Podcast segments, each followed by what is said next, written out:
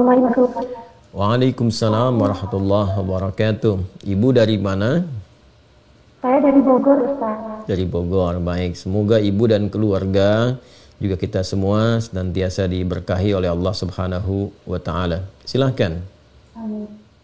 Ya, izin saya juga mendoakan Ustaz, semoga Allah memuliakan Ustaz, mengampuni semua dosanya. Amin, jazakallah khair. Di daerah kampung saya, itu kan banyak yang bangun rumah itu ada bikin kayak naruh barang di bawah rumah yang mau ditempatin atau menaruh sesuatu di atap rumah Ustaz. Nah, kebetulan orang itu sekarang hijrah uh, untuk memperbaiki diri menjadi lebih baik. Bagaimana dengan barang yang sudah ditanam di bawahnya, barang tersebut itu itu diambil atau gimana Ustadz? Jangan sampai orang tersebut jadi uh, munafik Ustadz. Baik.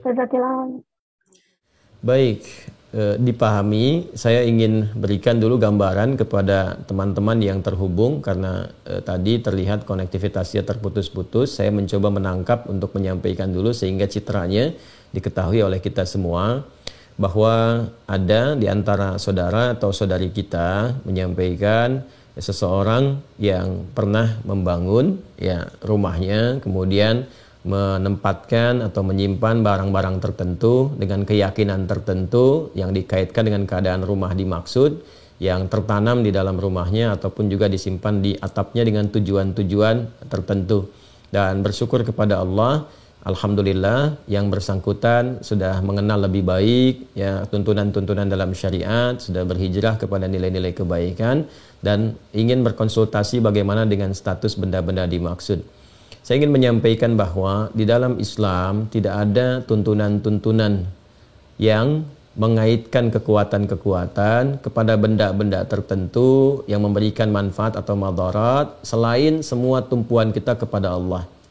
Karena itu dalam surah tauhid yang sangat pendek, singkat, mudah untuk kita kemudian hafalkan dan mudah ditanamkan pada jiwa itu menjadi dasar yang paling pertama di Al-Ikhlas itu Begitu kita bacakan Qul huwallahu ahad, katakan Muhammad sallallahu alaihi wasallam diinfokan kepada kita semua Tuhan kita itu adalah Allah yang layak dipertuhankan, satu-satunya dipertuhankan, disembah. Kemudian Allahus Samad ayat yang keduanya dan Allah menjadi pusat segala tumpuan, harapan, permohonan yang mendatangkan manfaat atau mengizinkan satu madarat dengan hikmah tertentu terjadi dalam kehidupan kita. Nah, karena itu setiap kita memohon, meminta, berharap sesuatu itu tidak diperkenankan kecuali hanya kepada Allah saja. Di dalam itulah kemudian Allah menyajikan berbagai hal, cara bahkan secara detil disampaikan kepada kita. Dari perintah untuk berdoa, bagaimana kemudian menjanjikan menjawab. Ya di Al-Baqarah ayat 186 Wa idza sa'alaka 'ibadi 'anni fa inni qarib ujibu da'watad da'i idza da'an falyastajibu li wal yu'minu bi la'allahum yarshudun. Nah jika hambaku mencari untuk mendekat kepadaku, ada permohonan tertentu, kata Allah Subhanahu Wa Taala, sampaikan Muhammad Sallallahu Alaihi Wasallam, ya aku begitu dekat, kalau hambaku berdoa, pasti aku kabulkan. Kalau ada permohonan, pasti aku berikan. Aku berikan jalan, ya kan? Dalam konteks apa pun, dalam pekerjaan, ingin mendapatkan rizki, dalam keadaan rumah ingin diberkahi, kan yang punya berkah itu Allah, ya kan? Yang memberikan ketenangan itu Allah, sakinah itu di rumah, itu Allah yang berikan karena itu dibuka dengan kalimat ayat wa min ayatihi di antara tanda kebesaran Allah Subhanahu wa taala. Quran surah ke-30 ayat 21 itu. Jadi kalau di rumah ingin mendapatkan ketenangan sakinah, tidak ada gangguan, nggak ada macam-macam, kemudian mawaddah, rizkinya mengalir bagus, ya bermanfaat rumahnya, rahmah, ada cinta kasih yang dalam di dalamnya untuk keluarga besar. Itu yang punya siapa sakinah, mawaddah siapa, rahmah siapa, Allah nggak ada yang lain. Jadi kalau kita mau minta, mintanya ke Allah dan jangan sampai meminta kepada Allah ya dengan cara-cara yang Allah tidak sukai ya dengan cara-cara yang tidak Allah ridhai karena itulah Allah berikan cara kepada kita. Ada yang bisa memanggil langsung, Allah turunkan misalnya nama-nama terbaik dikenal dengan Al-Asmaul Husna, Quran surah 17 ayat 110. Qulid Allah awid ar-Rahman ayyama falahul asma al-husna. Silahkan minta. Ya, ada yang minta dalam sholat, minta biasa berdoa. Kemudian kalau kita minta pun dengan menggunakan wasilah misalnya, boleh. Itu ada di Quran surah kelima, ya Al-Maidah ayat 35. Ya ayyuhalladzina amanu taqullaha wabtaghu ilaihil wasilah. Hei orang-orang beriman, tingkatkan takwamu kepada Allah dan cari wasilah. Silahkan untuk mendekat kepada Allah, untuk memohon dan untuk mengabulkan apa yang kamu harapkan selama bermaslahat dan baik. Apa di antara wasilah-wasilah dimaksud? Bisa dengan amal-amal kita, lewat sholat, lewat sholawat pada Nabi Sallallahu Alaihi Wasallam, atau kita mengundang orang soleh misalnya untuk mendoakan, boleh. Ya, alih-alih menanam sesuatu, datanglah eh, kemudian kita ke orang soleh, kiai, ustadz tertentu, ya kan? Datang ke rumah, minta diberikan pencerahan, ya kan? Bagaimana mengisi rumah yang baru, baiknya seperti apa? Ya, minta dibimbing, lalu berdoa di situ. Itu lebih bagus bermohon kepada Allah dan keberkahan diturunkan. Adapun menyimpan hal-hal tertentu, baik yang ditanam sifatnya di bawah rumah, disimpan di atas rumah atau di dalam rumah benda-benda tertentu. Itu termasuk hal yang sangat berbahaya bagi akidah, harus kita tepikan karena langsung bertentangan dengan dua hal sekaligus. Ya, yang pertama adalah sifat yang melekat ya pada zat Allah Subhanahu wa taala yang disebut As-Samad tadi. Ya, segala yang bertentangan dengan sifat-sifat kemuliaan, nah, itu sudah terkait dari aspek akidah. Nah, resikonya nanti terjebak kepada syirik. Ya, lawan dari akidah itu kan penyakit terbesarnya syirik. Ya, kalau sudah syirik itu paling berbahaya nanti berdampak kepada amal. Akhirnya apa yang dikerjakan di rumah itu dari sholat, ya kan?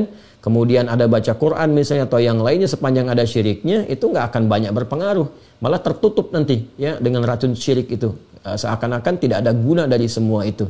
Nah karena itu alhamdulillah sekarang sudah menyadari bahwa itu keliru tidak boleh dilakukan. Ingat ya baik yang ditanam disimpan di dalam rumah di lemari kah atau macam-macam kah atau di atap rumah sekalipun nah maka kalau kita sudah bertobat dan sebagainya buang semua itu. Ya buang. Kalau masih bisa kita temukan ya buang kemudian jauhkan dari uh, kita gitu kan?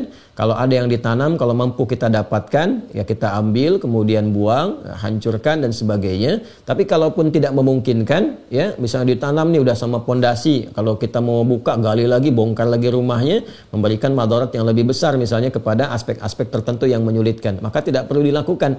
Yang penting kita hilangkan keyakinannya sudah hilangkan, jauhi, kemudian bertobat dari itu semua, tidak perlu diakses-akses ingat-ingat lagi, tepikan seluruhnya, kembalikan kepada Allah. Karena saat menyimpan-nyimpan seperti itu, jin nanti ikut ke situ. Jin.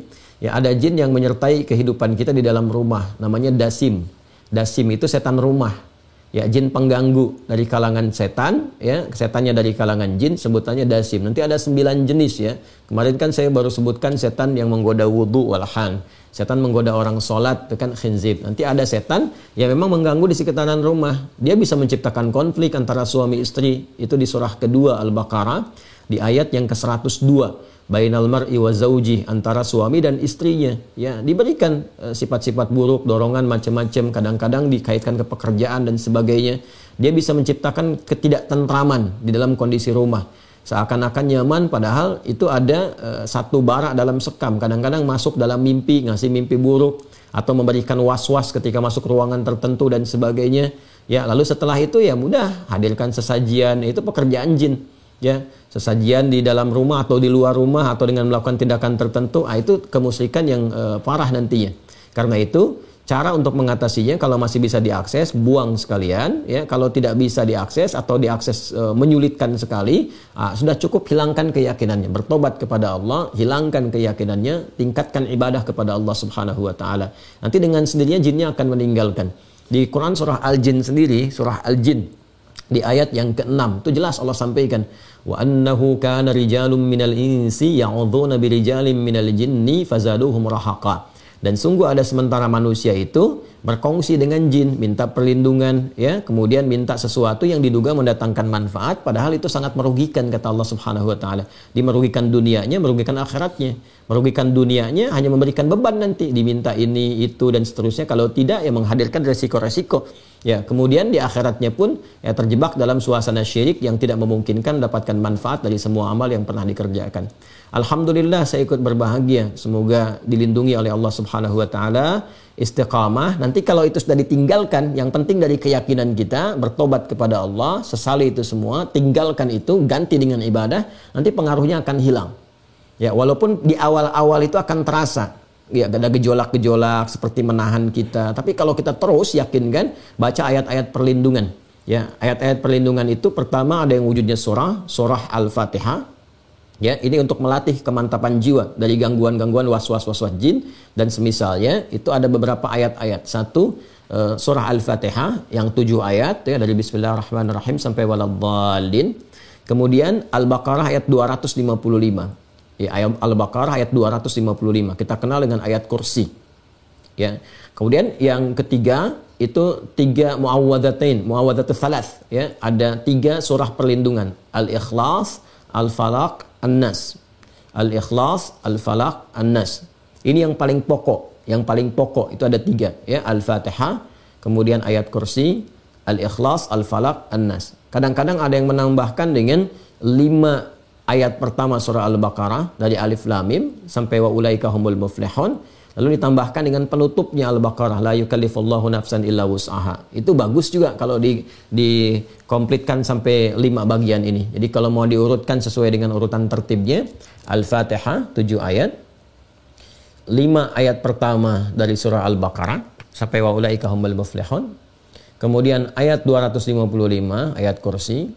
Kemudian selanjutnya yang keempat akhir ayat Al-Baqarah ayat 286 dan yang kelima bagian terakhir, tiga surah terakhir dalam Al-Quran. Al-Ikhlas, Al-Falaq, An-Nas. Nah, kalau kita konsisten melatih dengan itu, baca, baca, jadikan zikir kita. Kalau terjebak pada yang seperti tadi, pengaruh-pengaruh dan sebagainya, nah itu Allah akan mengangkat ya pengaruh-pengaruh jin tadi, pengaruh-pengaruh yang tidak baik, was-was, ketakutan, ada ini, ada itu diangkat oleh Allah, diganti dengan penanaman tauhid, kekuatan-kekuatan Rabbani namanya, kekuatan Rabbaniyah. Tanamkan pada jiwa kita sehingga yang tadi itu hilang. Nah, mengangkat sesuatu dari dalam diri kita dan mengganti dengan baiknya itu yang disebut ruqyah namanya. Karena itu lima bagian tadi disebut dengan ayat-ayat ruqyah atau surah-surah ruqyah. Itu bisa dengan meruqyah diri sendiri, pribadi kita. Dia membiasakan. Jadi mengeluarkan sifat-sifat jelek yang ada dalam diri kita, entah pengaruh dari nafsu atau pengaruh dari was-was setan. Ya, itu dibiasakan juga oleh para ulama. Makanya setiap sholat kan ada surah-surah berzikir kan ya tiga surah terakhir termasuk surah Al-Baqarah 255 ayat kursi itu kan kita pakai lewat zikir. Ya Al-Fatihah kita pakai, kemudian lima ayat juga di pembuka Al-Baqarah dan satu ayat terakhir penutupnya kita pakai juga dan yang paling populer kan Al-Ikhlas, Al-Falaq, An-Nas. Ya, itu saya kira yang bisa dilakukan ya Bu. Kalau bisa diakses, ambil barangnya, buang, itu kan, hancurkan. Kalau nggak bisa sama sekali seperti ditanam, ya tidak harus melakukan tindakan yang beresiko lebih besar lagi, ya baik kepada finansialnya ataupun juga kesulitan untuk tinggal atau bahkan merombak memberikan beban lebih. Cukup tinggalkan, sesali, gitu kan, dan jauhkan, lalu mulai merukyah diri kita sehingga terbebas dari pengaruh-pengaruh benda yang dimaksudkan. Tapi kalau masih bisa diakses misalnya ditanamnya di sampingnya yang bisa digali dan sebagainya uh, buang. Karena khawatir nanti ada perjanjian-perjanjian tertentu yang tidak diketahui mengikat pada barang itu ya kan yang bisa mempengaruhi kepada tubuh. Ya tapi kalau sudah tidak sama sekali bisa ditemukan uh, lima bagian tadi tolong dilakukan untuk bisa menghadirkan perlindungan dari Allah Subhanahu wa taala dan mematikan ya jaringan-jaringan keburukan tadi yang mungkin hadir di situ yang dimanfaatkan oleh jin tertentu, kalangan tertentu dari was-was syaitan. Saya kira seperti itu, Bu ya. Dan mudah-mudahan keluarga dijaga selalu, istiqamah dalam kebaikan dan kita semua mudah-mudahan juga kembali kepada Allah dalam keadaan husnul khatimah insyaallah. Wallahu taala a'lam bissawab. Jazakillah khair.